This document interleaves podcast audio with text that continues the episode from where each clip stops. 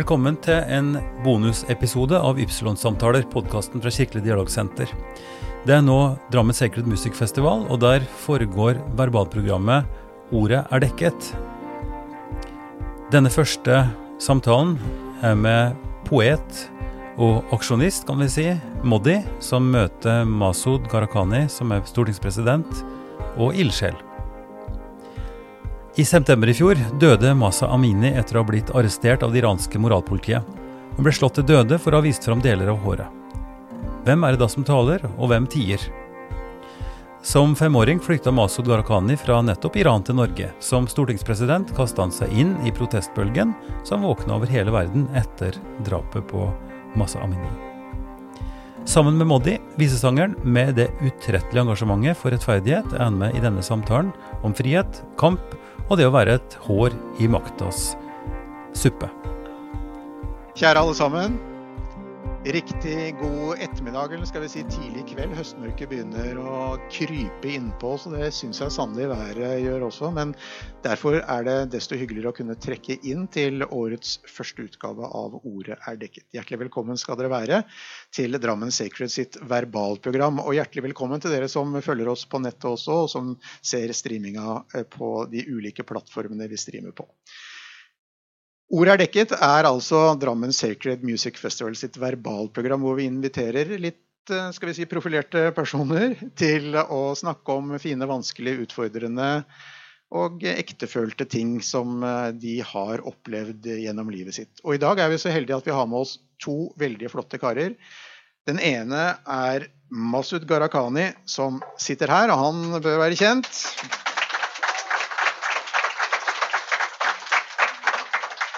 Han er vår alles stortingspresident. For jeg må jo nesten si det. Vår alles stortingspresident er det du er. Det er det jeg er. Ja, det er ikke noe Du representerer oss alle. Tillitsvalgt for alle, vet du. Ja, Det er fint å høre. Og eh, vi skal også litt seinere få møte Pål Moddi Knutsen, eh, som er eh, en superinteressant, spennende visesanger. Visefolksanger, kan man kanskje si som også kanskje heter Pål Modi Lue nå, etter at han har gifta seg. Vi får høre når han kommer. Eh, og det er veldig hyggelig å se at vi har klart å fylle opp eh, Drammensbiblioteket. Takk til eh, dere, Martin, som stiller lokalene til disposisjon for oss hvert eneste år. Men Masud, Eh, skal vi nesten begynne med å snakke om en flyktning som krysser sitt spor? I hvert fall nesten. Eh, du var fem år gammel du, da familien din flykta fra Teheran Iran eh, etter eh, revolusjonen i Iran.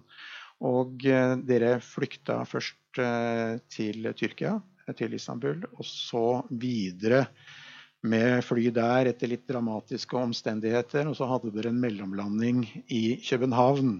Og der kunne dere velge mellom to destinasjoner. Hva var det som skjedde? Det var uh, Sverige eller uh, Norge. Og så visste vi egentlig ikke så veldig mye om Norge, da. Så da er litt sånn uh, som jeg har fortalt før, da, vi har jo hatt bokbad før sammen, at drømmen til mine foreldre var egentlig Los Angeles og California. Og så blei det på en måte Skandinavia, og så blei det da Norge. En kald novembernatt på Fornebu. Ja. Da var de ikke inn i varmen i gate engang. Så det var eh, sjokk, men det er vi evig takknemlige for. Ja.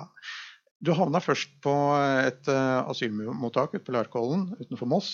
Uh, og Det er der jeg har lyst til å gripe litt fatt i noe av det som som du også er opptatt av, og det er hva enkeltmennesker kan bety i eh, en persons liv. Fordi da dere kom dit, så var det en spesiell dame som på en måte tok litt tak i dere. Fortell litt om Ellen. Mm. Og Ellen hadde jeg faktisk møte med for en og en halv uke siden. Eh, hun var da daglig leder da, og da asylmottaket. Eh, flott dame. Og det flotte med å liksom møte henne var jo å lære litt mer om henne. Så hun hadde jo starta sitt engasjement egentlig i Røde Kors. Mm. Og så hadde etter hvert eh, fått tilbud om å bli da daglig leder på dette asylmottaket da, i Larkollen. Det var veldig sånn annerledes asylmottak enn det som kanskje er vanlig i dag. Det var eh, selvfølgelig sånn institusjonsbygg da, som var liksom hjertet, men det var mange eneboliger. Eh, og der bodde barnefamilier. Og når det ble sommer etter hvert, så var det epletær, og det var hage, og, og det var mye barn der. Så du likte men, deg ganske godt? Altså? Ja, vi trivdes der, og vi var der ganske lang stund. Men det var jo sånn at lokalsamfunnet stilte opp. Da, så vi fikk jo tilbud, altså jeg, da, barna, å starte i barnehage allerede der. Og det var vanlig. Og så var det sånn at frivillige var en del av det livet der. da. Så Per Prest, da. Og da lærte jeg meg at alle prester ble kalt for Per Prest på asylmottakene. Eh, men eh, det var jo en Per Prest da, som også var på mottaket vårt. da. Og han eh, øvde jo med grammatikken med mamma og pappa. Og på den tida der så fantes jo ikke noe sånn der Google Translate og norsk-persisk ordbok og sånn. Og etter kort tid så ble faktisk mamma invitert til å holde en tale i kjerka. På norsk. På norsk. Mm. Og hun var jo veldig sånn skeptisk, og hun er liksom ikke sånn som meg og fatter'n, som kanskje mange av dere kjenner, som er litt sånn Ja, det går greit å snakke i offentligheten. Men uh, hun gjorde det, uh, og hun klarte det veldig godt. Da, og det ga mye selvtillit. Da. Så hun var nok den flinkeste av oss på dette med grammatikk. Da. Og så var det Ellen, da, selvfølgelig, som var der til stede. Ikke bare å på en måte lære oss norsk og alt det, men hun var der som et menneske. da, uh, Og stilte opp når det var gode tider og når det var vanskelige tider, for det var det også. Og henne har vi hatt kontakt med hele livet, da. Ja, hun har jo på en måte fortsatt å sende bursdagspresanger til deg i form av litt myke pakker. Ja. Uh, hun sendte truser til meg til jeg var 13-14 år gammel. Med sånne Mickey Mouse-mønstre. Så de bruker jeg ikke lenger, og nå kjøper jeg trusene mine sjøl, det skal dere vite. Men uh, så hun, hun, sa jo det at du, altså, du, må, du, må, slutte å snakke om det, for hver gang du nevner det, så får jeg mange tekstmeldinger fra familien. Eh, nei da. Men uh, hun var en varm person, da. Eh, og hun var egentlig den samme når jeg møtte henne ja, for en og en halv uke siden. Et mm. fantastisk menneske, da. Eh, det, er det, kan, det, er vel det vi kan kalle oppfølging, er det ikke det? Virkelig. Virkelig, ikke sant. Eh, men du merka at det var jo en person som var både nysgjerrig Uh, og omsorgsfull. Da. Og det er liksom det som dreiv henne. Mm. Det er det som dreiv henne. Og, uh, og når jeg var der, så fortalte han at, at du hadde mista mannen sin uh, noen år da, etter at vi på en måte flytta ut av mottaket. og de kom faktisk på besøk en dag, for jeg delte med henne Jeg tror han fortsatt levde, fordi jeg husker at han kom. og og når han var på sofaen etter en lang kjøretur, for hadde han fått kreft, da. Mm. så når han sov, så kom jeg og ga han en lakken. At mm. han ikke skulle fryse. Mm. Og det liksom husker jeg, for det, han ble så rørt av det. Mm. Eh, men det er liksom helt vanlig hjemme hos oss da at vi gjør det.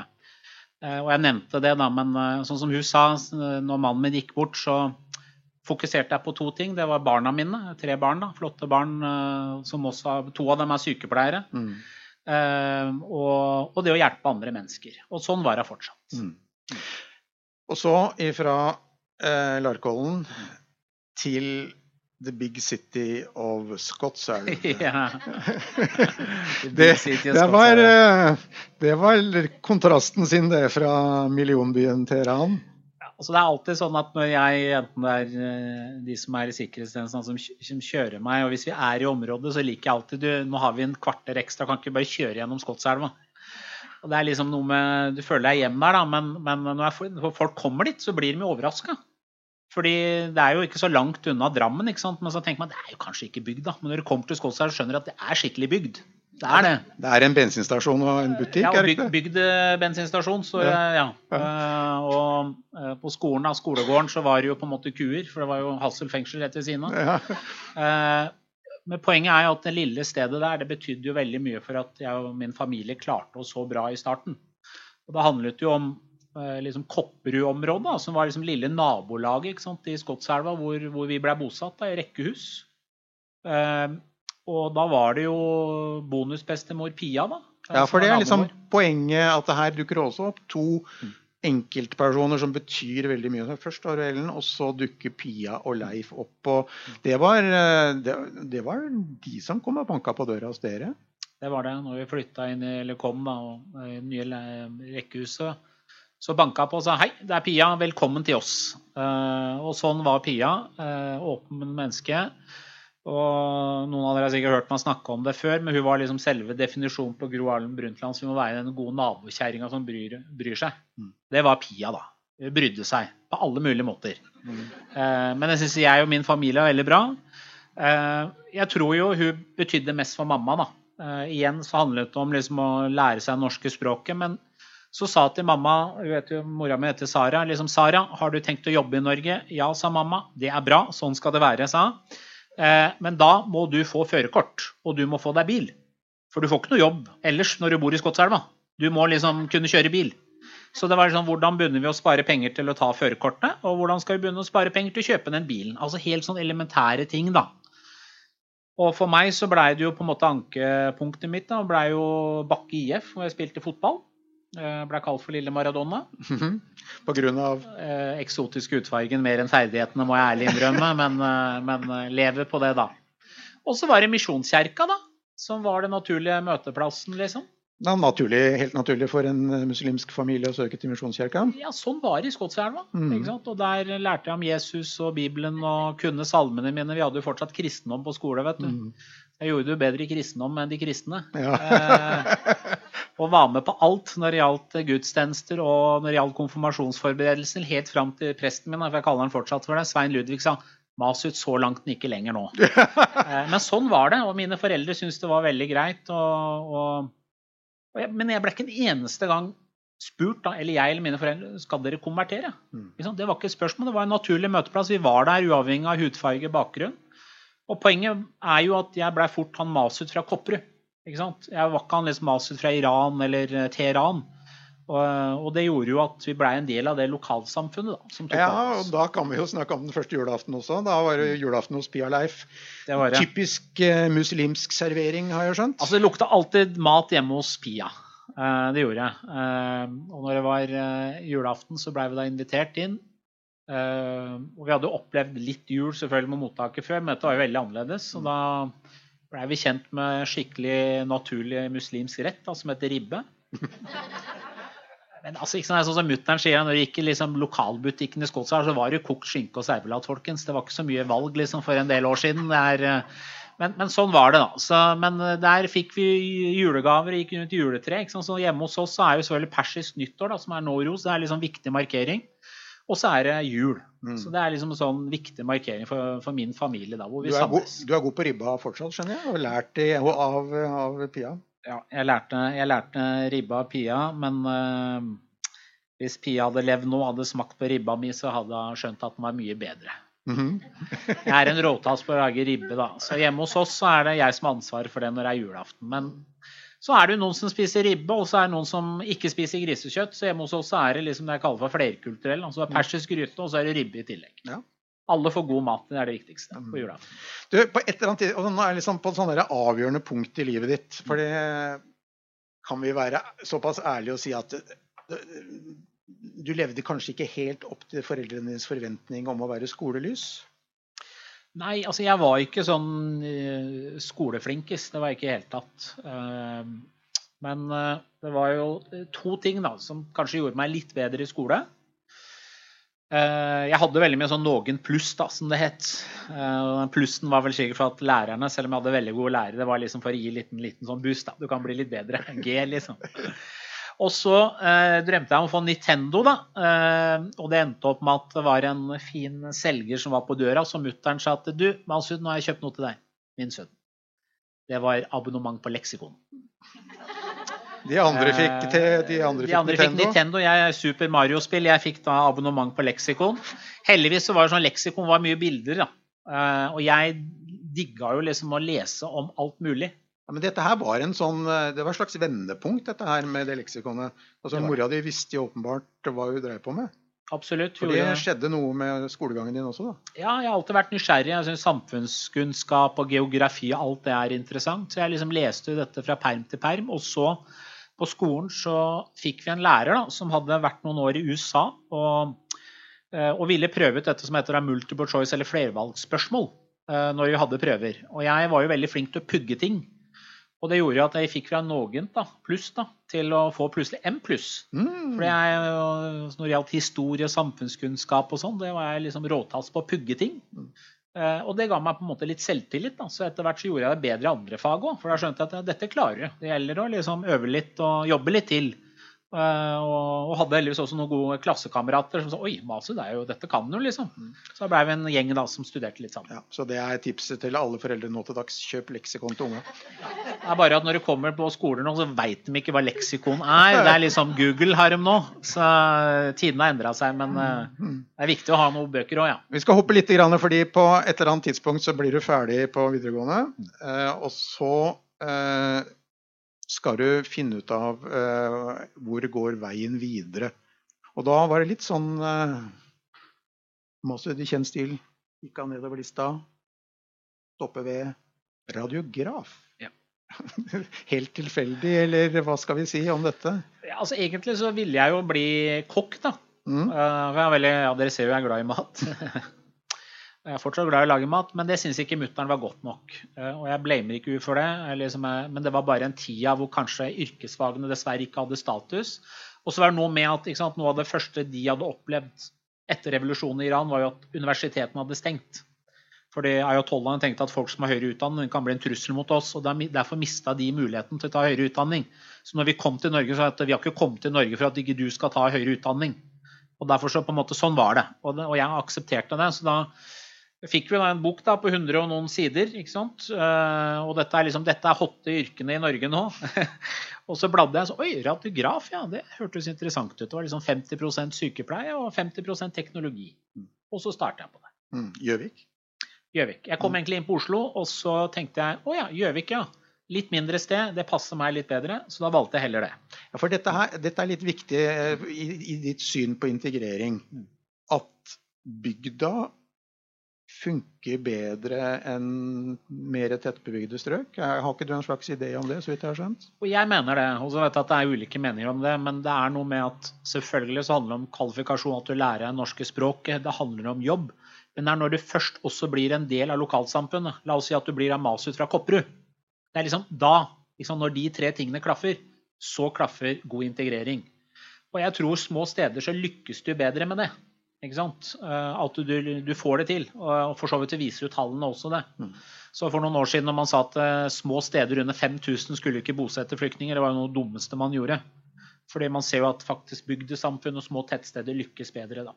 Mm. Kunne vært representant for Senterpartiet, du. Eh, tror ikke det. Men, eh, men, eh, men, jeg har i hvert fall troen på og Det er også forskjellen. bare for å ha sagt det. Hvis du snakker om integrering, hvis du sammenligner oss med danskene og svenskene altså Det er bare å følge med. Hvor, hvor, hvordan, vi har utfordringer vi om integrering, men det er bare å se hvor store utfordringene er i Sverige og Danmark. Så har jo noe med at I Norge så har vi aldri hatt fritt bosetting, hvor du kan velge sjøl hvor du vil dra. For det er, veldig, det er ikke unaturlig at la oss si alle ville til Los Angeles og California, for der var en halv million iranere fra før av. For å bare bruke et sånt eksempel. Hadde du kommet til Norge, så ville kanskje alle dra til storbyene, for der hadde du noen andre som var like deg. Men så ser jeg at faktisk pga. at du har hatt spredt bosetting i Norge, så har du lykkes bedre med integrering enn våre naboland. Ja. Sitter noen dansker på første, første benk her. Ja, der ser du. Nå blir det bråk. Nei da. Eh, men eh, du, altså etter endt utdannelse så, så, er det jo så er det litt morsomt, da, fordi da skal du ha din første jobb, og det er ikke så lett, men du havner på Rjukan av alle steder. Ja. Og på Rjukan så driver man eh, med mammografi, screening av kvinnebryst. Ja. Og det er jo fint for eh, kvinner i indre Telemark å bli skanna av en mørkhudet kar fra Teheran. Ja. Hvordan var det egentlig? Nei, det var jo, altså, ikke sant? Du kommer jo til Rjukan og begynner å jobbe som nyutdannet eh, radiograf. Da, og etter et par uker så kjenner du jo på en måte hele lokalsamfunnet. for Enten så jobber du der, for det er den største arbeidsplassen, eller så kommer du innom. Og så er det jo store avstander, da. Og da ble jeg spurt om du eh, fra damene da, fra Tinn Austbygda, som er liksom ganske store avstand, skal slippe å kjøre helt til Porsgrunn og Skien, så trenger vi også at du hjelper til med mammografiscreening. Og jeg var jo litt sånn skeptisk. og det, liksom, Hvordan går det? At, en, eh, at liksom, jeg skal begynne å ta bilde av godt voksne damer. Med brystene deres i tillegg. Ja, så for å si det sånn, De som har kjørt oppover Tessongdalen, mm. Eh, det er ikke tett bebygd der. Og jeg har ikke sett noen solsatt seg der, for å si det sånn. Nei, det, altså Nå har ikke jeg sjekka ut det, da, men det har du tydeligvis gjort. Men jeg kan si da at første damen kom inn, og vi tok bilde. Og jeg hadde nok godt tenkt å si at du, åssen er det Jeg syns det er OK at en uh, ung mann med eksotisk hudfarge tar bilde av brystene dine, men vi kutta ut dette med eksotisk hudfarge. bare sånn Det er OK at en mann tar bilde av brystene dine. Også dette, Rådgiverne liker ikke denne historien her, da, men siden du spør, jeg har nevnt det i boka, så må jeg nevne her òg. men da sa damen at det er så lenge siden mannen har tatt på brystene mine at dette har jeg gledet meg til. Så det ble ganske bra oppslutning på screening, tror jeg, det året jeg jobba der. da.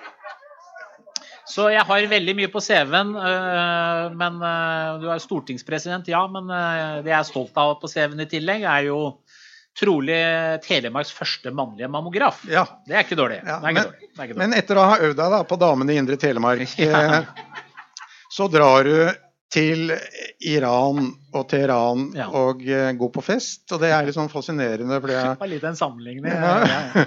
Ja. Men det er litt fascinerende, fordi jeg har gjort litt grann sånn bakgrunnsresearch på dette her eh, i forbindelse med noe annet jeg har gjort. Og veldig todelt, eh, eller schizofrent samfunn, hvor du har ayatollahene som styrer med knallhard eh, rundt eh, alt det som foregår på en måte synlig. Og så har du disse festene og dette livet som foregår bak fasadene i, i hjemmene til eh, middelklassen, på en måte. Og der, der dukker opp ei dame som heter Sally. Stemmer. Jeg var jo eh, for å besøke bestefar og bestemor, da. Og ble invitert på en fest. Og det er jo litt sånn ikke Iran 60% av befolkningen er under 30 år. Og veldig mange av de unge de er jo veldig sånn vestlig preg. Da. Så det er jo sånn når det kommer på kveldstid, så er det fester. Og på de festene så Det var i hvert fall litt annerledes drikke enn det vi hadde på bygda i Skotselv. Men jeg kan si at eh, det, ja, det, er, det er noe alkohol i der òg. Eh, hyggelig. Og der blir jeg da eh, i løpet av den festen kjent med Sally, da. Som eh, nå er min kone. Men det, det, det som er litt interessant, er at det er en episode jeg har lyst til å, å komme tilbake til. For etter at dere var blitt kjærester, så begynner dere liksom, og det man ofte gjør når man er ute med dama i, i Teheran, og kanskje andre steder også, for alt det jeg vet, men tur i parken. Det er liksom ikke uvanlig. Og så har man altså da noe i Iran som kalles for moralpoliti. En dame og en mann som går sånn uh, i par og undersøker om folk holder seg innenfor de vedtatte retningslinjene for hvordan man skal kle seg, hvordan man skal oppføre seg osv. Og dere blir altså stoppa av moralpolitiet, og der skjer det et eller annet som jeg syns er eh, litt sånn talende, som, kan, som gjør at vi kan dra historien fram til i dag. Men Absolutt. fortell hva som skjedde. Nei, for det liksom, Parker er jo liksom det vanlige stedet da unge mennesker og unge kjærestepar da, som ikke er gift, på en måte, øh, går og holder hverandre og Eller prøver å holde hverandre, i hvert fall. da. Mm. Eh, og snakke litt sammen om livet og, og, og få litt sånn pusterom. Eh, men det er jo ofte også at det er de stedene dette moralpolitiet slår til plutselig. da. Og det opplevde vi, eh, at moralpolitiet kom. Og, da hadde jeg på meg en T-skjorte som sto et eller annet som liksom Have fun, make love and party. Og så tenkte jeg å fy fader, altså nå blir jeg tatt, liksom. ikke sant? Men han derre fyren han hadde vel sikkert ikke noe utdannelse til å kunne lese hva som sto på en T-skjorte. altså Det var han ikke opptatt av. Men han var opptatt av om eh, at Sally, da, kona mi, da, eh, at hun hadde da hijab, men ikke helt ordentlig. Eh, buksa var litt for kort, og det var rød neglelakk, liksom. Og at jeg da måtte si fra til henne at sånn kan du ikke kle deg. Mm. Uh, og heldigvis så gikk det jo bra med oss. For, det, for det kunne jo ja, det kunne ha blitt sånn at du kunne ha blitt tatt og, og, anholdt da, og i fengsel eh, med de konsekvensene. Og vi var jo på en måte ikke eh, ikke sant? For ofte så ville vi jo bedt om dokumentasjon også. liksom Hva slags forhold har dere, og alt det der. der. Men eh, vi var jo lucky, da. Eh, og det gikk jo greit for oss. Og så kjenner jo vi alle til Nå var det jo ettårsmarkeringen til Masa Amini. Eh, Ja, for La oss stoppe litt der. Altså, hvis vi går ett år tilbake i tid, så er det altså en ung kvinne som heter Masha Amini, som blir stoppet av det tilsvarende eh, moralpolitiet i, eh, i Teheran. Egentlig tilsvarende problemstilling også, fordi hun ikke, akkurat som kjæresten eller kona di den gangen, da særlig ikke hadde hijaben helt riktig på, at det var for mye av håret som syntes. I motsetning til eh, Sally så ble hun innbrakt og banka til døde av eh, politiet eller eh, fengselsvokterne i, i Iran. Og da ble det egentlig starten på noe som du også tok tak i på et vis. Forklar hva som skjedde sånn sett fra din synsvinkel akkurat i forbindelse med det. Nei, altså, når jeg da ble stortingspresident i november 2021, så var det sånn at persisk nyttår kommer rundt 20.-21. mars. Og da lagde jeg en sånn liten sånn kort video da, fra Eidsvollsgalleriet da, hvor Mm. jeg ønska folk god og ros. Og så sa jeg det også at Jeg håper at dere unge mennesker i Iran, jeg er også født i landet, en dag for frihet og demokrati. Og Det ble jo på en måte delt noe i sosiale medier, så etter det så pleide jeg å få, eller ikke pleier, jeg får på en måte meldinger da, fra unge mennesker i, i Iran. da. Uh, og så uh, skjedde jo dette med Masa Amini, og jeg fikk jo bilder av henne uh, Da var jeg ikke død ennå, men da er nå hun lå i koma. Jeg fikk bilde av henne når jeg var på sykehuset. og da var det noe i hele meg som sa at nå kan jeg ikke være stille, liksom. Eh, og da lagde jeg jo da eh, video eh, hjemme på Åsia. Hvor jeg sa noe som at 44 år siden så ble det en revolusjon i det landet jeg er født i. Det blei lovet at man skulle bruke oljepengene på en velferdsstat, slik jeg har i mitt land Norge. Det er blitt brukt på korrupsjon. Det blei lovet frihet og demokrati. Det er ingenting av. Og Masa Amini er liksom et av mange eksempler på konsekvensen av det regimet vi har i Iran i dag. Og veldig kort video. Jeg delte den. Jeg visste hva jeg gjorde og står inne for det. Men det jeg ikke hadde regna med, er at i løpet av noen få timer så var det millioner av mennesker som hadde sett den videoen. For den spredde seg da i sosiale medier og da til mediene rundt omkring. Mm. Hvordan opplevde du det? Jeg tror det er ganske spesielt øh, øh, å få meldinger fra unge mennesker da, etter hvert som på en måte øh, Masa ble selve symbolet på hva de unge menneskene kjemper for. Ikke bare at de skal ha rett på å kle seg akkurat som de vil. Eh, men det handler også om menneskerettigheter, det handler om rettferdig fordeling av ressurser og alt det. Og det ble mer og mer demonstrasjoner. Så fikk jeg liksom meldinger, videoer av unge mennesker som sa at eh, vi vet det å være ute i gatene kan bety at vi blir slått, vi blir drept, men vi gjør det likevel, for vi klarer ikke å leve under dette brutale regimet lenger. Og det er ganske spesielt å få. Eh, mm. Som jeg eh, har sagt før, Bjørn Olav, at når jeg sitter og leder møtene i stortingssalen vår, så kan du liksom høre lyden av norske folk på Eidsvollsplass omtrent hver eneste dag. ikke sant? Hvor du da med trygghet står og bruker stemmeretten din, enten det er for samenes rettigheter, det er for billigere strøm, eller det er solidaritet med Ukraina eller solidaritet med iranske kvinner. Og det gjør vi trygge rammer. Mens de unge menneskene som er liksom ute i Irans gater, som også har vært de siste dagene, Eh, de opplever den brutaliteten for å liksom drømme om litt av den friheten vi er så heldige å ha i vårt land Norge. Vi skulle hatt en kvinnelig iransk artist her i kveld sammen med deg. Ja. Eh, hun avlyste fordi hun turte ikke sitte her sammen med deg. Hva tenker du om det? Nei, det er trist. Og jeg vet jo sjøl at Altså jeg husker eh, jeg stilte opp i NRK, og de sa at vi har ringt så utrolig mange, Masud, men vi får ikke tak i folk som vil stille opp. Fordi de er redd Kanskje noen er redd for sin egen sikkerhet, men også redd for familiene sine som bor i Iran.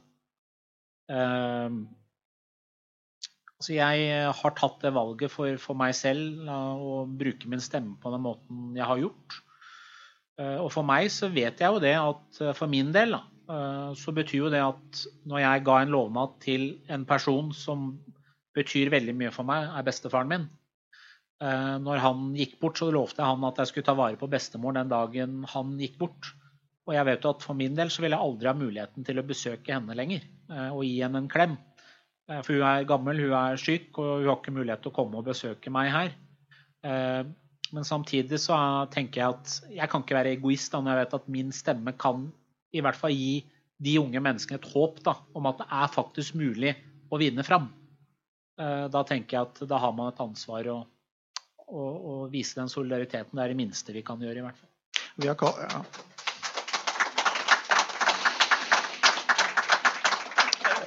Vi, har kalt, eh, vi, har kalt, denne samtalen for et hår i suppa, en hår i makta-suppe. og Det er vel kanskje det du er, om ikke annet. Altså at uh, regimet i Iran lytter til den norske stortingspresidenten. Det kan vi jo regne med at de gjør, men om det fører til den store endringen, det vet vi jo ikke. Men hva tenker du om at du gjør dette som altså helt bevisst går ut og gjør dette som stortingspresident? På eget initiativ. Du spør ingen i partiet om lov, og du, du snakker ikke med de andre i presidentskapet. Du bare gønner på. Så det er jo magefølelsen til Masud som klinker inn her på et vis, da. Så jeg har bare lyst til å si det er at uh, selvfølgelig, Man har jo fulgt med på debatten, og det er jo noen som mener at man kanskje ikke burde ha gjort det som stortingspresident, men jeg opplever jo på mine reiser og de mange meldingene jeg får, at folk setter utrolig stor pris på at jeg har gjort det. Og jeg, du stilte meg et spørsmål liksom sånn Det å være stortingspresident, hva betyr det? og når jeg blei det, så begynte jeg å liksom lese om forskjellige stortingspresidenter. Og det har jo vært forskjellige mennesker som har brukt rollene ulikt. Og det er to personer for meg nå, som, som, har betydd på en måte mye. Det ene er Kirsti Koll Grøndal, som for så vidt kommer fra Drammen også, som var en av de første som tok kontakt med meg.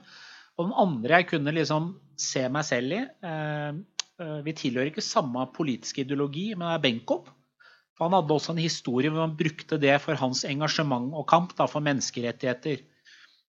Og jeg tenker at Hvis en stortingspresident i Norge ikke kan stå opp for menneskerettigheter, demokrati, frihet, så kan vi jo nesten bare pakke sammen. Så, så, det gjør jeg, og jeg føler at det er et uh, stort flertall som syns det er bra at jeg mm. gjør det. Uh, og litt av det jeg også prøver å Og det er ikke enkelt, da, bare så jeg har sagt det, Bjørn Olav. Altså, jeg var nå i Paris, og der møtte jeg med Faradiba, som kanskje mange av dere husker. Og, og noen har liksom kritisert meg hvorfor møtte du henne. Så sier jeg at det, det, interessante er at det faktisk var det mine foreldres generasjon som gjorde at det ble et skifte. Mm. Altså Diba var gamle kona, gamle til kona til Shan, ikke sant? Mm. Men hun har fortsatt en viktig stemme. Mm. Og, man, eh, og, jeg har møtt flere, eh, og det jeg har sagt til de, det er at det som er viktig, det er å lytte til folk som, som liksom, hva de står for i dag. Mm. Og når folk på en måte står for at ok, nå må vi ha et demokratisk valg, vi må ha menneskerettigheter til frihet, så får folk bestemme om det skal være et monarki eller republikk. Sånn som vi faktisk i Norge gjorde i 1905. Det vet ikke alle at vi faktisk hadde folkeavstemning i Norge om vi skulle ha kongedømme eller ikke. Men først så må du ha et demokratisk valg. Og at det er viktig at alle de som er en del av opposisjonen eksternt, for det er veldig vanskelig å bygge opp med opposisjonen internt med det regimet, at de klarer å samarbeide også. For det tenker jeg at det er liksom den styrke med den norske kulturen, da, demokratiske kulturen. Det handler ikke bare om grunnloven vår, som er nest eldst i verden, men det handler om den demokratiske kulturen. Og der tror jeg vi har mye å lære andre folk at vet du hva, eh, det er viktig å stå sammen om noen fundamenter i demokrati. Det er nettopp at du skal velge et parlament først. Det skal være frie valg. Og så må folket bestemme.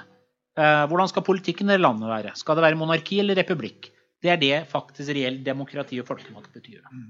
Og så skal vi avslutte med noe som er en liten kontrast til eh, det fine bildet som du tegner opp. Og nå skal vi ikke snakke om habilitet, vi skal ikke snakke om dobbeltroller, vi skal ikke snakke om stortingsleiligheter som du skal rydde opp i, og vi skal heller ikke snakke om aksjetrading eh, over en lav sko. Eh, men vi skal vende blikket litt bakover og til bygda som du har vokst opp, fordi det er klart at faren din som jo eh, Bijam eh, Gharahkhani, som mange her kjenner, og som har vært leder for innvandrere, er fortsatt leder for Innvandrerrådet. Eh, og i det hele tatt en veldig utadvendt kar. Du pleier å si om han at han kan ikke gå på butikken og skulle kjøpe noe småtterier til middag, for da kommer han hjem til midnatt omtrent, fordi han prater så mye med folk. Men det at både du og han har vært så utadvendte, det fikk jo også en konsekvens i det vesle miljøet i Øvre Eiker, fordi en vakker dag så kommer du hjem, og så er det fullt oppbud hjemme hos dere. Og Jeg tenkte vi skulle avslutte med det, fordi det viser noe om at det er kontraster her. Og Hva var det som hadde skjedd da? Nei, Jeg kom hjem og så så jeg at det var mye politi eh, på Kopperud. Eh, og forsto da at det hadde kommet trusselbrev mot både pappa og meg da, i posten. fordi etter hvert så hadde jeg da blitt med AUF og blitt litt engasjert. Eh, og møtte mamma da, som, som gråt da, på døra. Og eh, for henne så var det jo to ting. Det ene var at hun var liksom skuffa over at pappa ikke hadde delt noe om dette før. For da begynte pappa å fortelle at han hadde opplevd dette over tid. Han hadde opplevd at når han jobba på ungdomsklubben i Vestfossen og skulle kjøre hjem, da, eh, så var det noen som ville kjøre front mot front mot den.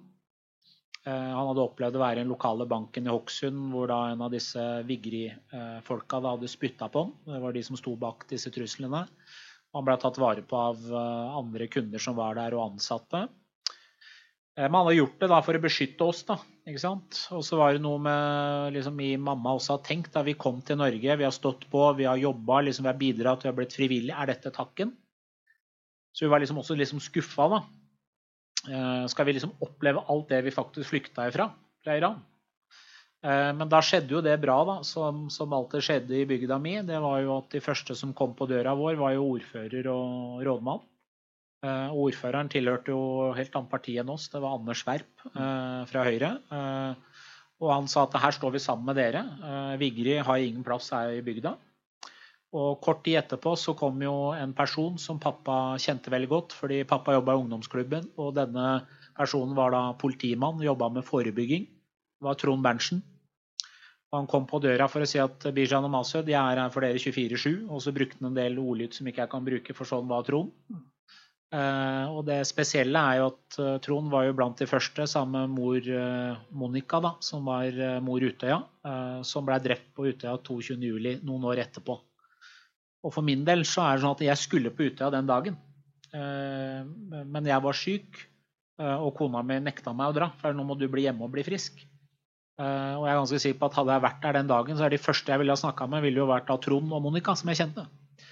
Og For meg så er det en historie jeg deler ofte, for det er et eksempel på at kampen mot ekstremisme kan liksom aldri være en sånn kampanje her og nå. Tenk på denne mannen som var der, som var en bauta for oss når vi opplevde høyreekstremmiljø, eller ekstremmiljø generelt sett, som er liksom blant de første som blir drept av et ekstremt miljø noen år etterpå. Så det er en sånn påminnelse, da, at kampen mm. mot ekstreme Men som jeg alltid sier, da, ekstreme har jo liksom fulgt meg hele livet. Men er også litt sånn forklarende hvorfor jeg har det engasjementet jeg har da, for de verdiene jeg så. Mm.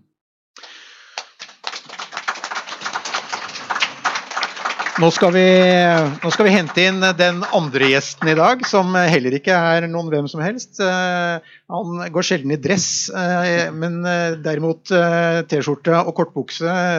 Men sånn er det kanskje når du har vokst opp på yttersida av Senja. Her er Paul Moddy Lue, tror jeg er riktig navn, er det ikke det? Ja, du har tatt, å, du har tatt på deg langbuksa også?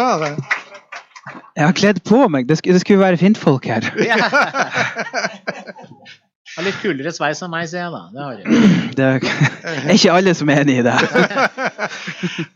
Var hyggelig å ha deg i Drammen. Veldig velkommen til oss på Drammen Sacred. Du skal både være med her, og du skal ha konsert i Frogner kirke i Lier i kveld. Mm -hmm. Og vi skal snakke litt sammen, fordi dere har engasjement begge to. Eh, og jeg har egentlig tenkt å spørre deg liksom, hvor var det egentlig det begynte for deg? For jeg veit jo at du sto på bedehuset og sang eh, på ute, der du kommer fra, på yttersida av Senja sammen med mora di som spilte trekkspill. Var, var, det da det begynte, eller hvor, hvor, begynte det egentlig? Hva tenker du på musikken? Musikken, ja. ja, uh, oh ja. Uh... Jeg, eh, det, det, vet jeg ærlig talt ikke helt. Hun mamma, hun mamma spiller jo trekkspill, som du sier, og pappa spilte uh, tromme. Det var sånn de møttes. De spilte i uh, Ytre Senjen dans og diverse. Uh, I lag. Um, så, så, det var jo gjennom, gjennom, dem at jeg ble født. ble, ble laga. det skjer ofte, skjer ofte Det skjer ofte sånn. Men, så, men så, så, var de òg to veldig aktive mennesker som hadde fingrene med i det meste som skjedde hjemme. Så blant annet så drev drev de noe som må ha vært Norges minste radiokanal, eh, Radio Sjarken. Ja. og der trengte de fredagsunderholdning, og der spilte jeg en sjømann skal være der havet er blått da jeg var fire år gammel, tror jeg. Ja, nettopp. Nei, men eh, Du kommer jo fra åpenbart en engasjert eh, familie. Du har besteforeldre som var aktive i Misjonssambandet og eh, dro deg litt med i den sammenhengen. Også, Hvordan vet du det? Ja, det kan du lure på. Ja, det... Han har jobba i Brennpunkt. jeg må innrømme at jeg hadde glemt det. ja, men også henger det også et bilde på veggen hjemme hos mora di fra fra talerstolen i kommunestyret der oppe, hvor altså hun står på talerstolen i kommunestyret og ammer deg. Ja. Det sier jo noe om at du har vært med fra første stund, nærmest. Ja, altså eh, hun mamma var eh, kommunestyrerepresentant for, eh, for Arbeiderpartiet. Mm. Uh, han bestefar satt for Senterpartiet. Uh, det, det, var en Jo, det er en, en, en, en, engasjert gjeng. Så det var ikke så veldig rart at det ble både, altså både musikk og politikk ut, ut, av den gjengen der. Altså, jeg husker, jeg, jeg, Da du spurte hvor det starta hen, så, så, tenker ikke jeg egentlig på musikken. For den er noe som har vært med meg hele livet. Uh, jeg, tenkte kanskje du mente sånn eh, hangen til å dra det aktivistiske inn i musikken. Og der, og der husker jeg nemlig veldig godt når var første mm. Uh, sånn første oppvåkninga mi, det var, det var, en sånn, uh, det var en fraktebåt som hadde gått ned uh, med, full av blåplast utafor Senja. Sånn, massen av sånn emballasjeplast. Og, og, og, ehm, jeg tror året var 1991 eller 1992. Jeg var fire eller fem år gammel, og idrettslaget hadde fått i oppdrag å fare ut og, og å, å samle dette her i hop.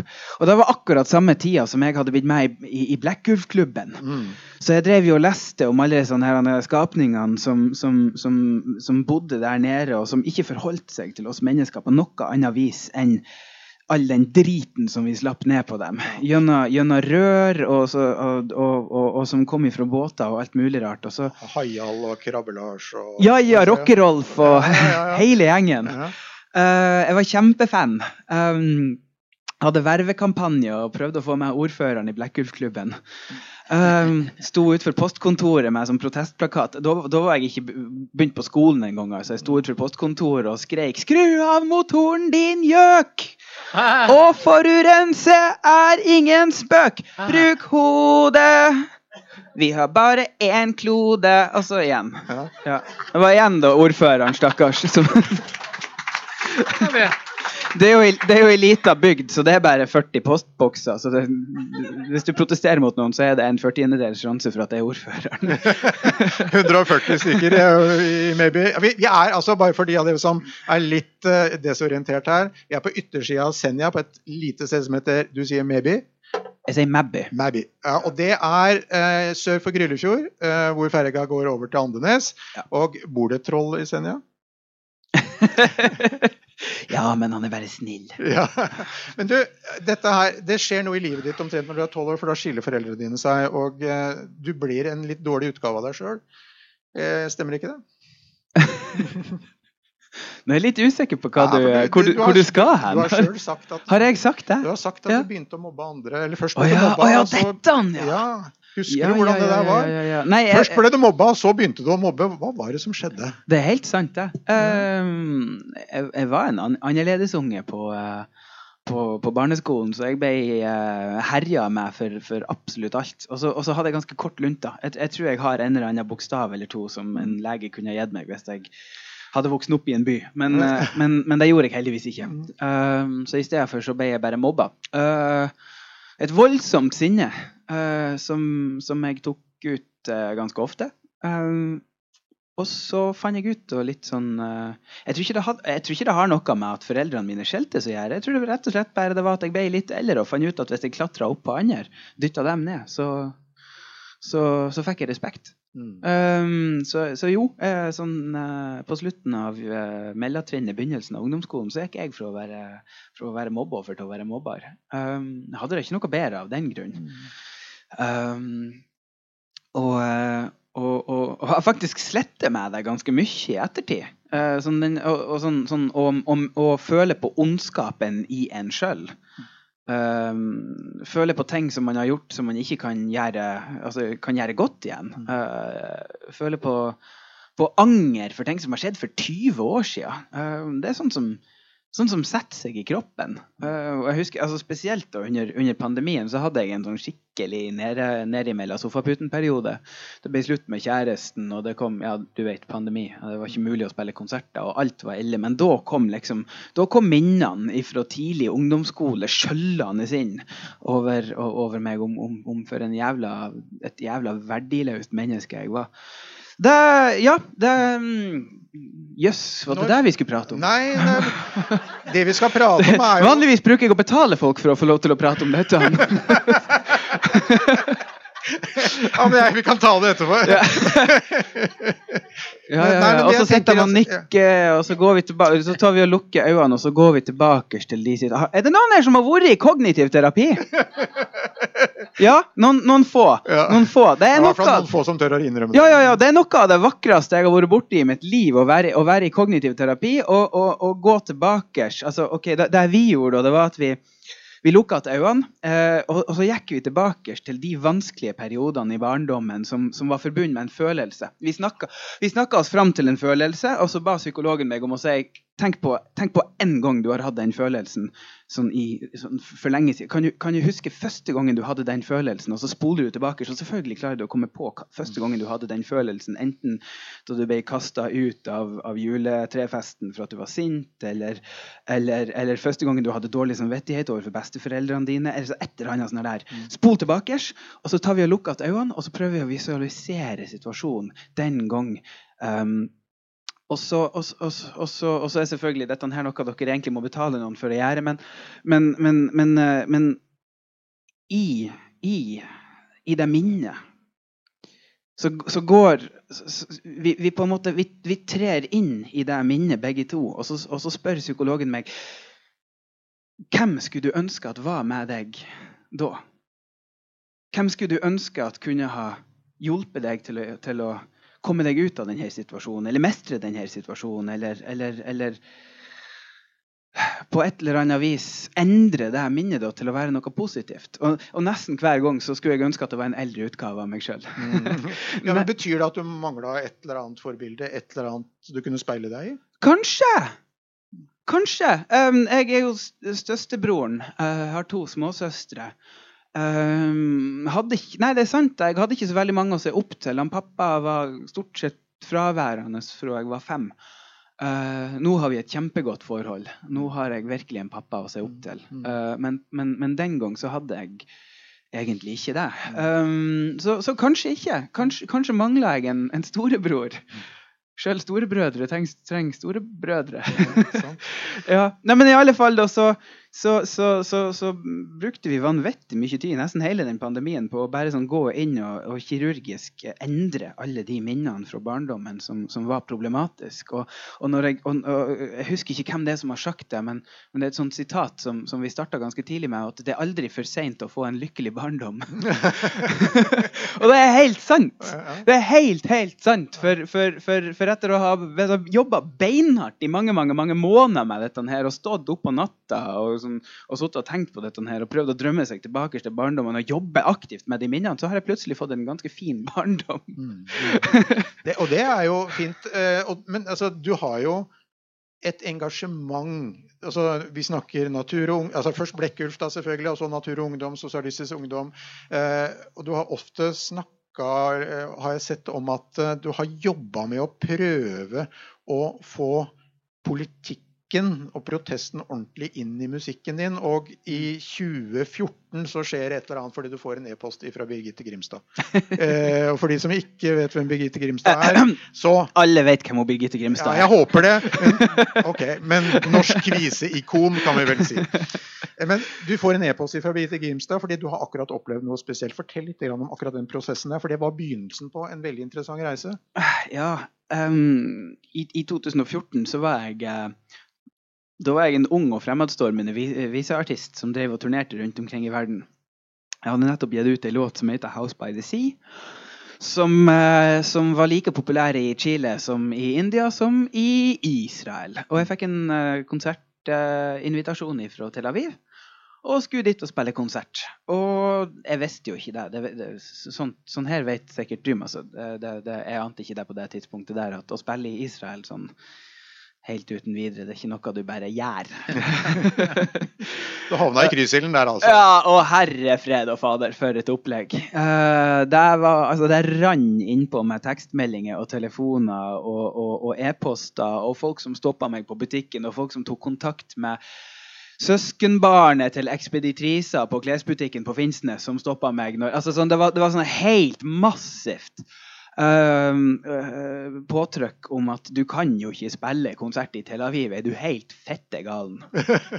Og det var jo da ifra eh, Vi har en ganske stor boikottbevegelse eh, internasjonalt, men kanskje spesielt faktisk i Norge. Ve veldig sterk boikottbevegelse eh, for akademisk, kulturell og økonomisk boikott av Israel. eh, I protester selvfølgelig mot okkupasjonen av Palestina. Eh, og og, og, og um, her bare røyna det på med folk som mente at det å spille i Tel Aviv, om det så var en harmløs popkonsert som handla om små hus ved havet, så var det ei støtte til uh, okkupasjonen. Det vil i hvert fall bli tatt som ei støtte til okkupasjonen. Um, lang historie og kort, så valgte jeg til slutt å avlyse den konserten. Jeg lurer litt på om jeg angrer i dag, men i hvert fall, jeg, jeg avlyste konserten. Mm. Og i kjølvannet av den avlysninga så ringte hun Birgitte Grimstad meg. Jeg ante ikke hvem hun Birgitte Grimstad var. Nå vet jeg veldig godt hvem hun Birgitte Grimstad er. og, hun, ehm, og, hun, og hun fortalte meg ei historie om, om eh, at hun hadde vært i en lignende situasjon. 30 år tidligere. Mm. I 1982. Seks år før jeg var påtenkt. Da skulle hun på turné i Israel og ble møtt med samme reaksjon. For Israel hadde nettopp gått til krig. eh, hadde beleira Beirut. Og akkurat mens de sto rundt Beirut, så skulle Birgitte nedover dit og synge norske folketoner og barnesanger. Og fikk eh, og, ble nedrent med beskjed om at dette her kan du ikke gjøre. Så hun gjorde det motsatte av, av meg. Hun, hun feiga ikke ut. Hun hadde trua på at kultur og, og sang kunne bidra med noe. Så, så i stedet for å avlyse, så tok hun med seg en sang og fikk en, eh, en kar som heter Richard Burgess, til å skrive ei låt. Hun skriver ikke så mange låter sjøl, men hun står bak veldig mange låter likevel. Mm. Det her er en av dem. Um, låta om Eli Geva. Uh, er, er det meninga at jeg skal spille henne, eller er det meninga at du bare skal sitte snakke litt om dette, fordi den legger jo, den legger jo altså, he, Dette er jo en låt som, eller en tekst som du får i, eller, fra Birgitte på Ja. dette tidspunktet. Og det starter jo en prosess hvor du tenker ah, ah, dette er kanskje ikke den eneste tilsvarende eller til, låten i sitt slag. Nei, for at det som var historia, var jo at, uh, var jo at uh, da hun kom til Israel og skulle spille, så fikk hun beint fram beskjed fra arrangørene om at uh, dette her er ikke gangbar mynt. Det var ei protestvise mot krigen, og Israel var i krig. Du kan ikke komme her og, og, og, og, deale med så delikate uh, tema uh, på, på noe så harmløst som en, som en visekonsert. Um, så hun ble overtalt til å droppe låta. Kom hjem til Norge med halen mellom beina. Og, og, og, og den gang så altså, hun, hun var jo akkurat så stor stjerne at da hun landa på Fornebu den dagen, så var det forsida på Dagbladet var Birgitte Grimstad droppet sang i Israel. Altså det var sånn, sånn ordentlig nederlag Mm.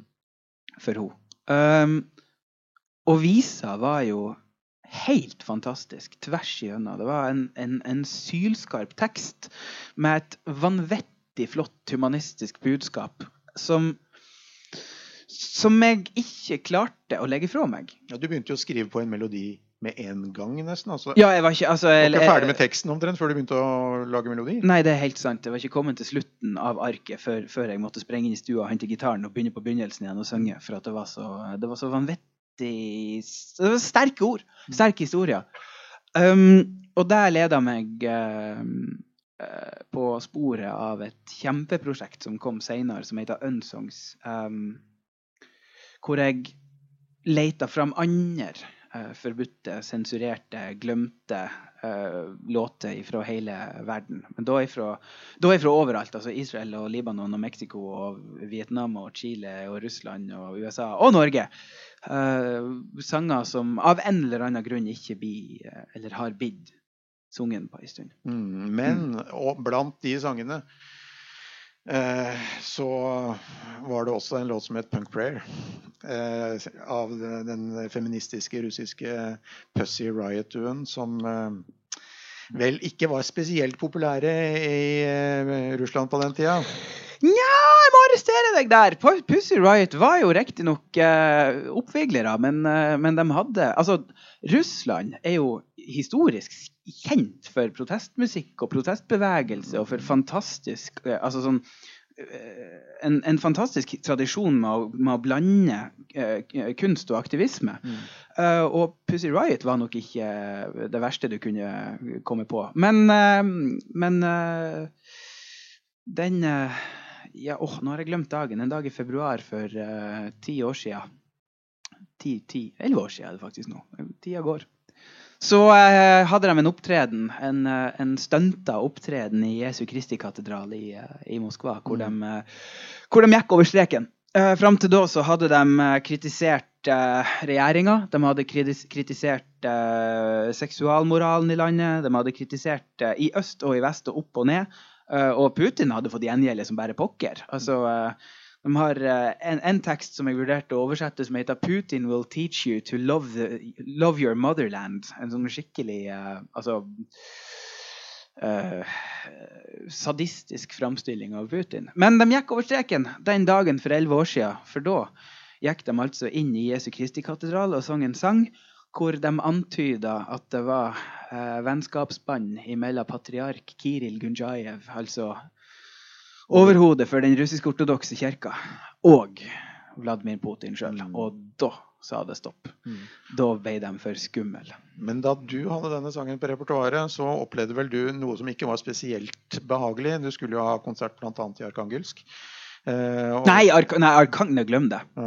Jeg en, eh, jeg gjorde en turné i Nord-Norge med Arkangelsk kammerorkester. Mm. Vi ble spurt veldig tidlig om vi hadde lyst til å komme til Russland, men der skjønte vi at det ikke var mulig da heller. Ja, For du hadde en liten ambisjon om å gjøre, spille det samme stedet som Pussy Riot? Hadde et ønske om å reise til Moskva og prøve meg på omtrent det samme som de gjorde, men uh... jeg hadde liksom uh, bedre ting å gjøre det året. Ja, men så, men det, oppstår, det oppstår jo en periode her hvor du, hvor du nesten ikke vil snakke om eh, hva som skjedde da du hadde denne på, på, på, på turnélista di. Eh, og dette var, dette var kilent, for å si det litt forsiktig. Ja, ja, altså Det som, det som skjedde, eh, var at eh, Jo, jeg lagde min egen versjon av Pussy Riots låt. Oversatte henne til engelsk. Uh, framførte henne på en eh, drøss av konserter her i Norge. Og så, eh, og så skulle vi som sagt på turné i, i, i Finnmark. Da. Og et par dager før turneen, så, så kommer det sånne vage meldinger, litt sånn via via, vi er ikke helt sikre på hvor de kommer ifra engang, om, om at er det noe egentlig så lurt for 16 klassiske musikere å spille Pussy Riot i Norge? Det var en Um, indirekte trussel mot dine Nei, det var ikke engang en trussel. Det var arrangøren på den ene av de seks plassene vi skulle spille, som hadde snakka med noen som han ikke helt visste hvem var, men som kanskje lurte på om dette her var så lurt. Og så, og så, og så nærma det seg mer og mer konsert, og jo mer det nærma seg, jo, jo, jo mer spredde det seg. den der han, Går det egentlig an å spille Pussy Riot uh, når du er russisk? Og så til slutt så fant vi jo ut, vi fant ut to ting. For det første så fant vi ut at nei, selvfølgelig går ikke det an. Russiske statsborgere eh, risikerer seks år i fengsel for å overhodet nevne Pussy Riot i en offentlig sammenheng. Eh, og i hvert fall musikken deres. Sånn at, sånn at eh, nei, det var overhodet ikke mulig. For det andre så fant vi jo ut at det var det russiske generalkonsulatet i Kirkenes som, hadde, som, som var eh, kviskrerne her, her eh, baki, eh, langt baki her, og som hadde i uh, Altså, de hadde vært på alle konsertene. De hadde altså, stått der helt bakerst og, og, og fulgt med på hva som skjedde. Og, og som hadde prøvd å altså rett og slett prøvd å stoppe oss fra å spille sangen, og det fikk de jo til. Men sensur har en veldig funny uh, ei funny side. Det kalles for Strison-defekten. Mm -hmm. Når du prøver å skjule noe Så bare i internettets tidsalder. så, Så får du deg faen meg i trynet. Streisand-effekten det er for øvrig Barbara Streisand som hadde en sånn, eh, som hadde en villa på vestkysten, altså San Diego eller et eller annet sånt. Og en dag så hadde hun blitt lei av at, de, at det var paparazzia der ute. Så, hun, så de hadde sendt ut en sånn melding til alle medier i USA om at hei, dere må slutte å, å fotografere den villaen min. Altså dere eh, Kutt ut. Det blir å pusse politiet på dere. Ikke kom til eh, Palm eh, Road eh, nummer 11 mer. Jeg orker ikke dette her mer. en klar invitasjon der, altså. Ja. det var akkurat det som skjedde når vi sto på scenen i Kirkenes etter, etter seks dager på turné med Arkangelsk kammerorkester. Så spilte vi elleve av tolv låter fra den plata. Um, og etterlot oss selvfølgelig et vanvittig hold. Alle lurte på hvor ble det av den siste låta. Der var NRK, der var TV 2, der var Nordlys, og der var Barents Observer, og der var alt som kunne krype og gå av media. Og det eneste de skrev om, var selvfølgelig den ene låta som ikke ble spilt. Og bakerst i lokalet sto det russiske generalkonsulatet spotte sur. Du, eh, vi, er, vi, har, vi skal ta en liten musikalsk utfordring her. Fordi, Ja! fordi eh, vi har stortingspresidenten her. Og Vi har det. Vi er veldig usikre på sangferdighetene hans. Nei, men- fy fader. Der går grensa hans. ja, må... Men jeg lurer på allikevel, kanskje du har ordferdigheter? For at, du skjønner, jeg jeg oversatte jo sanger fra tolv forskjellige land, overalt. Eh, og selvfølgelig prøvde jeg meg ifra, på, på, på sanger fra, Iran òg. Iran har jo en helt gyllen protestsangarv som, som, som, eh, som, du sikkert har vært borti. Uh, problemet er bare at farsi er kjent for å være vanskelig å oversette, og særlig poesien. De sier farsi rett og slett bare er for vakkert til å gjengi på noe som helst annet språk. Og det, det, er, det er jeg enig i. Det eneste som jeg har vært i nærhet av å se, er på nynorsk. Mm. Så, uh, så, så, den her ga jeg rett og slett opp. Men kan du den allikevel? Den går sånn her. يورد بستانیم بومن و همراه منی چوب الف بر سر من باز من آه منی حق شده اسم من و تو روتن این تخت سیاه ترکه بیداد و ستم مونده هنوز رو تن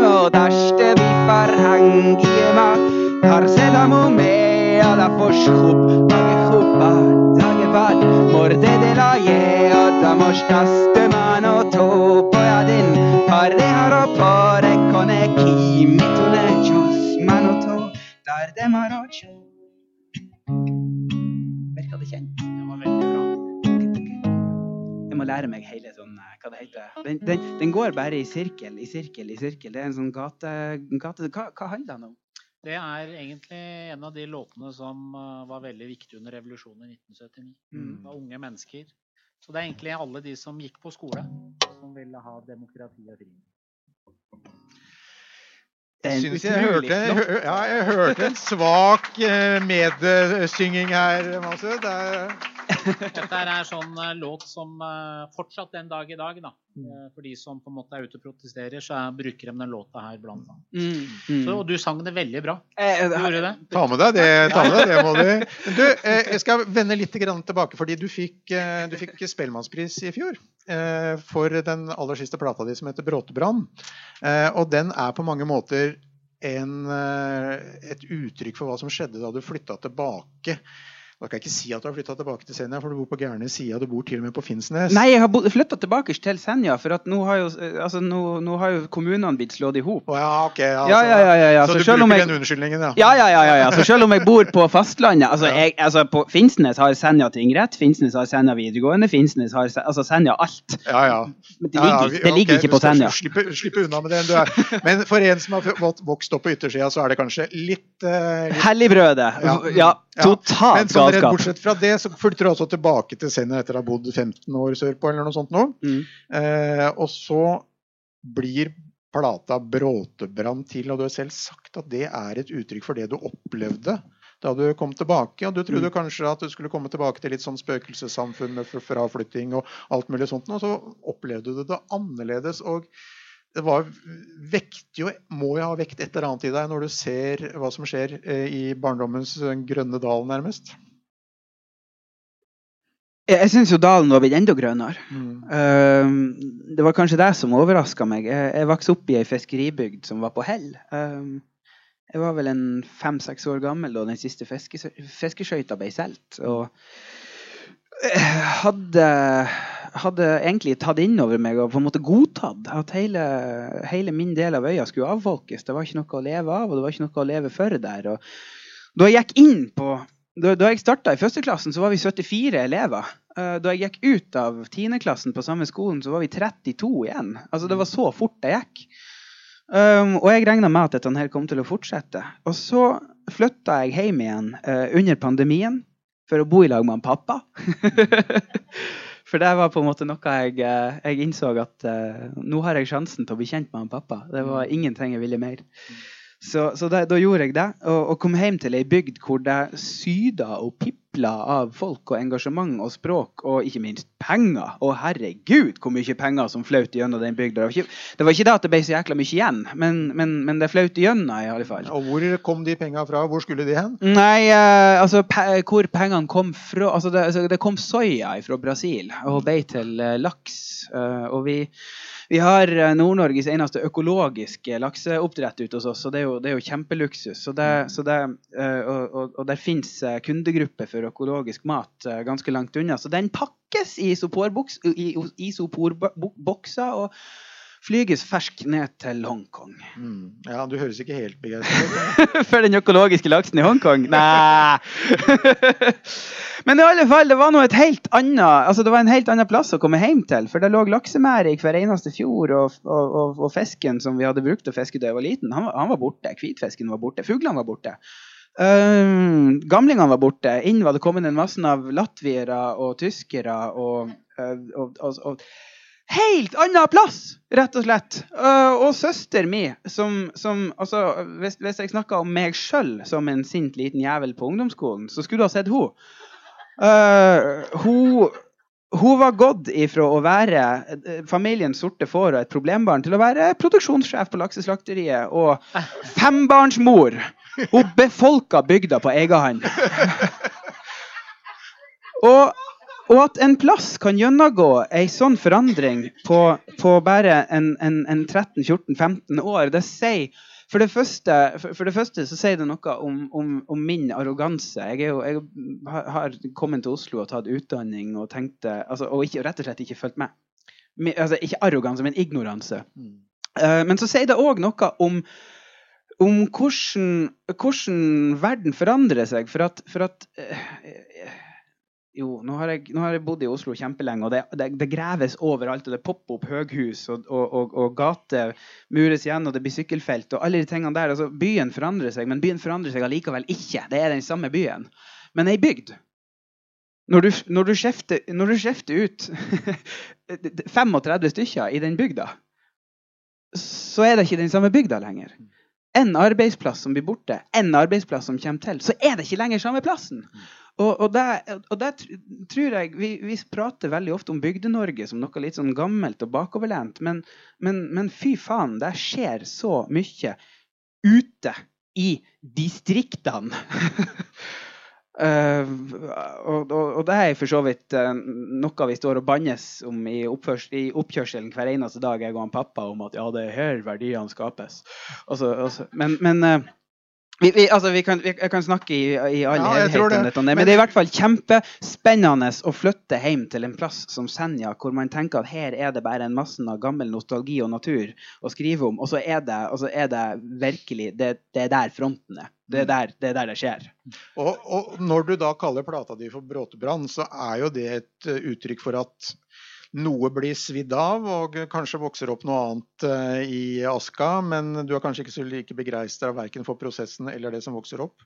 Altså, det, jeg, jeg, er både begeistra og livredd. For at, for at uh, det, det, er jo uh, Holdt på å si, dette her med, altså Spesielt dette her med, med lakseindustrien. Det har absolutt sine sider. På, på miljøsida og på klimasida, og, og, og, ikke minst på uh, på dyrevelferden jeg, jeg, jeg, meg, altså jeg, vegrer meg for å ete oppdrettslaks. Det har jeg ikke lyst til. Uh, men jeg ser jo samtidig det at, at, at, uten dette her eventyret som har skjedd i, over hele norskekysten, så, så jeg vet ikke hva vi skulle ha drevet med ellers hos, hos meg. Så det er ekstremt uh, ambivalent, hele dette her. Og, og, og, og, og, den beste kunsten oppstår jo i ambivalensen, ikke nødvendigvis på barrikadene, egentlig. Mm. Det, det, det, er i tvilen at du får den gode poesien. Eh, mottoet for årets festival er håp. Som miljøaktivist, som politisk engasjert, som visesanger, som nå hjemflyttet bygdemann, ser du noe altså, håp? Altså, nå bor jeg midt på Finnsnes, som, ja, det er, som, som er sjølerklært by. Ja, ja, ja, men eh, OK eh, Du, eh, har vel, du, prøvde, du prøvde vel å komme unna i stad med at du, bodde, at du hadde flytta tilbake til Senja. Ja, da. Men hvordan Ser du noe håp i alt dette, som du liksom ser av kontraster og ambivalens? Kan jeg svare med å, svare med å sitere Maja Lunde? Ja, hun kommer hit i morgen, forresten. Ja, ikke sant? Skal, da gjør dere òg det. Hun mm. er hun er, hun er som, en av dem som gir meg håp. Uh, hun, hun, ble spurt om dette, for hun skriver jo stort sett uh, enten apokalyptiske bøker eller postapokalyptiske bøker. Ja, Det er ganske dystopisk. Det er jævla skummelt. Uh, og, og, hun ble, jeg husker hun ble spurt i et intervju for noen, for noen år siden. Um, du har barn. Du har tre unger. Um, hvordan er det for deg å å skrive disse her bøkene samtidig som du som du har ansvaret for, for tre unger som skal vokse inn i den framtida som du advarer om at kan bli aldeles forferdelig. Og så syns jeg hun svarte så veldig godt, godt for seg. For at jeg, jeg, jeg, egentlig burde ikke jeg være her nå, for, for, vi har 14 dager, 15 faktisk, til termin på min første. Ja. Eh, så egentlig skal jeg hute meg bort derifra så fort jeg bare klarer. Men hun sa det, at, at i det å få unger, så forplikter du deg til håpet. Du forplikter deg til å gjøre det du kan, på den måten du tror at du bidrar best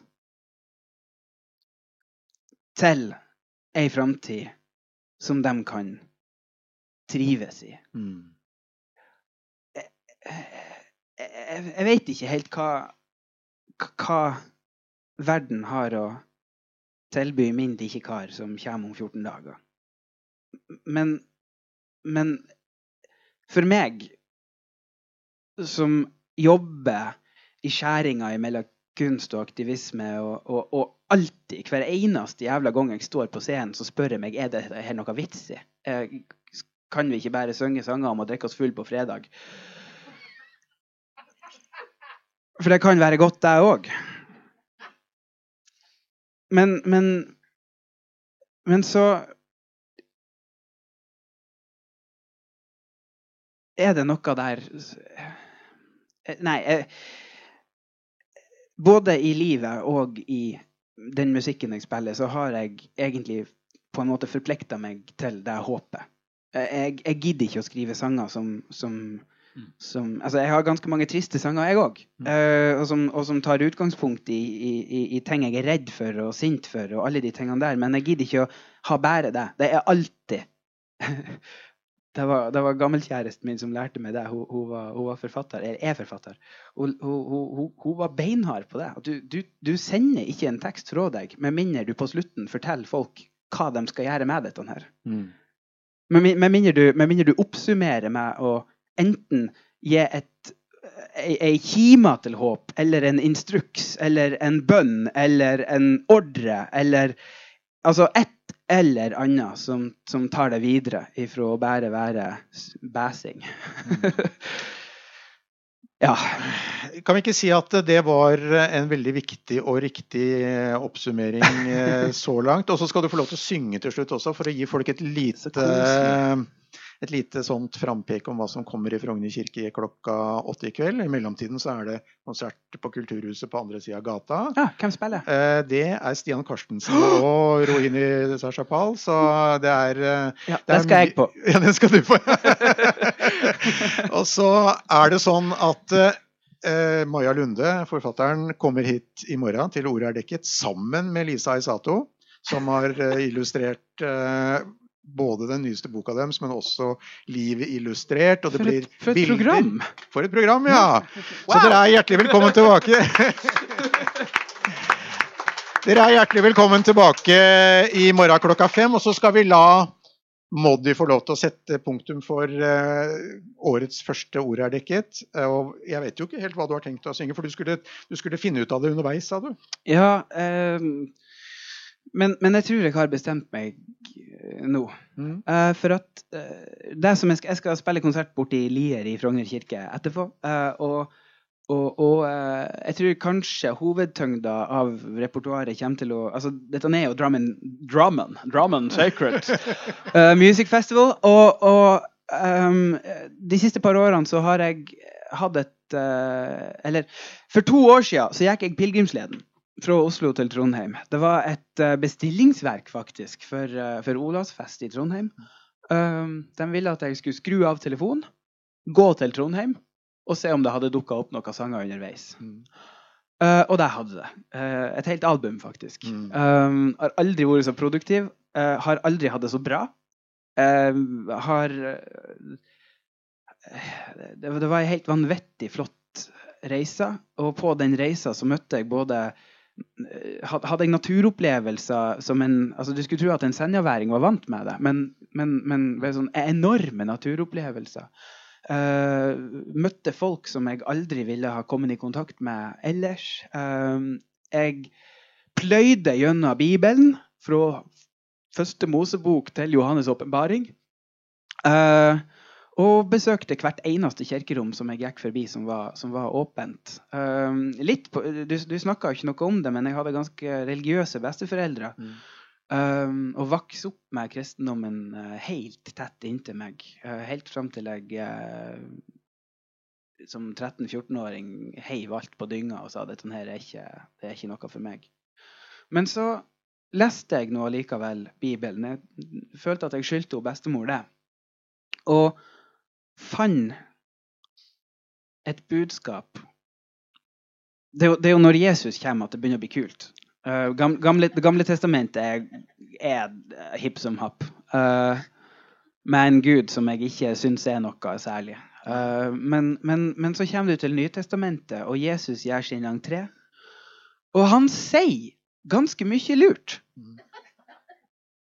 Han sier uh, han, han, han, sier veldig mye flott. Eh, og, og, og, Jesus var en fyr som jeg som ateist kunne kjenne meg igjen i. Og som jeg kunne hente inspirasjon og håp i. Um, det, jeg skulle synge en sang, var det? Ja, var det du skulle. Mm. Ja. Nei, men Fint at vi fikk litt andakt til slutt her også. Nei, men du har ikke, dette her var bare, altså, dette her var bare forordet. Ja. Nei, jeg skal, før, Mens du da gjør deg klar, så skal jeg si til dere som sitter her, at der borte så står det en håpsvegg. Eh, der er det mulig å finne seg en liten lapp og skrive sitt eget håp og henge det opp. Det trenger ikke være stort eller lite. Der eh, står eh, der borte og deler ut lapper og tusjer til de av dere som har lyst til å henge opp det dere håper på, smått eller stort, for dere selv eller for de nærmeste eller for verden. Og så Og så en sang om håp, ja. var det så? Ja. Henta fra tredje Nei, uh, unnskyld, fra, fra Lukasevangeliet. Um, hvor Jesus viser seg som den flotte, revolusjonære humanisten han tross alt er. Han blir spurt av noen som står der og skal tøffe seg. Han blir spurt Vet han der han er himmelriket ditt, hvordan ser det ut da? Hvorpå han svarer at himmelen er ikke et sted. Himmelen er ikke en fysisk plass som du kan beskrive, eller som du kommer til å komme til. Og så kommer det en sånn flott sånn sånn dobbelthet i hebraisken her. Der han sier at han sier, i, i, I en og samme setning så sier han at himmelen det er noe som vil oppstå inni oss. Men så sier han samtidig at himmelen er noe vi må lage midt iblant oss.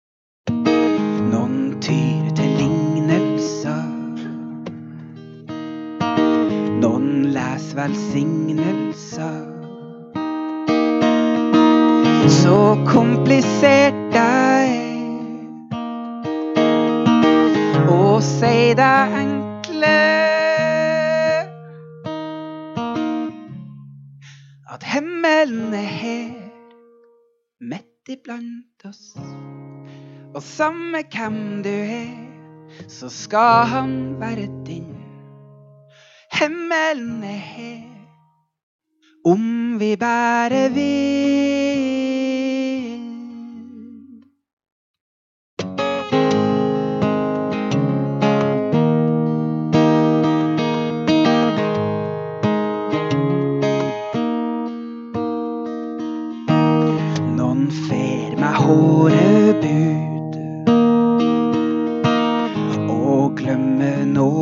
troens Gud.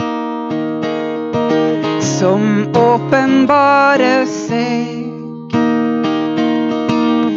igjennom mennesket. For himmelen er her, midt iblant oss. Og samme hvem du er, så skal han være din. Himmelen er her vi bare vil. Om vi bare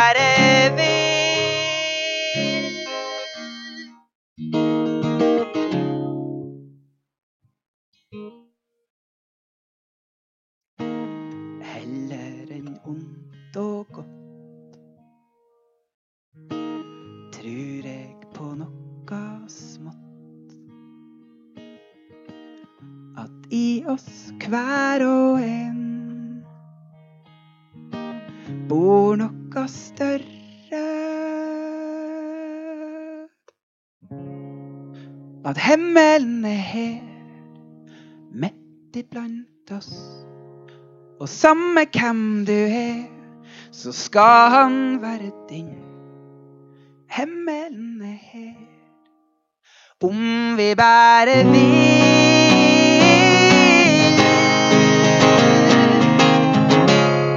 Ja, himmelen er her, midt iblant oss. Og samme hvem du er, så skal han være din. Himmelen er her, om vi bare vil.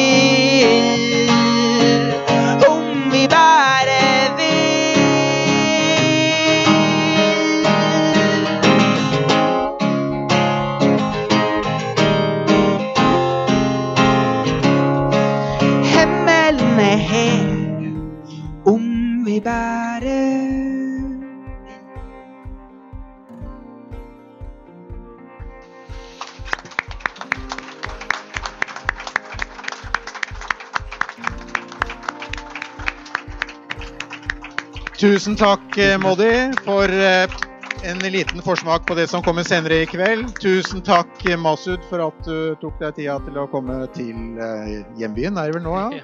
Absolutt. Midt i Drammen. Og tusen takk til dere som kom og hørte på. Så håper jeg vi ses i morgen klokka fem. Og her er noe å ta med seg. Du kan ta det med hjem til kona og si at du har kjøpt det sjøl. Ja, ja, ja, det gjør jeg hver dag. Takk.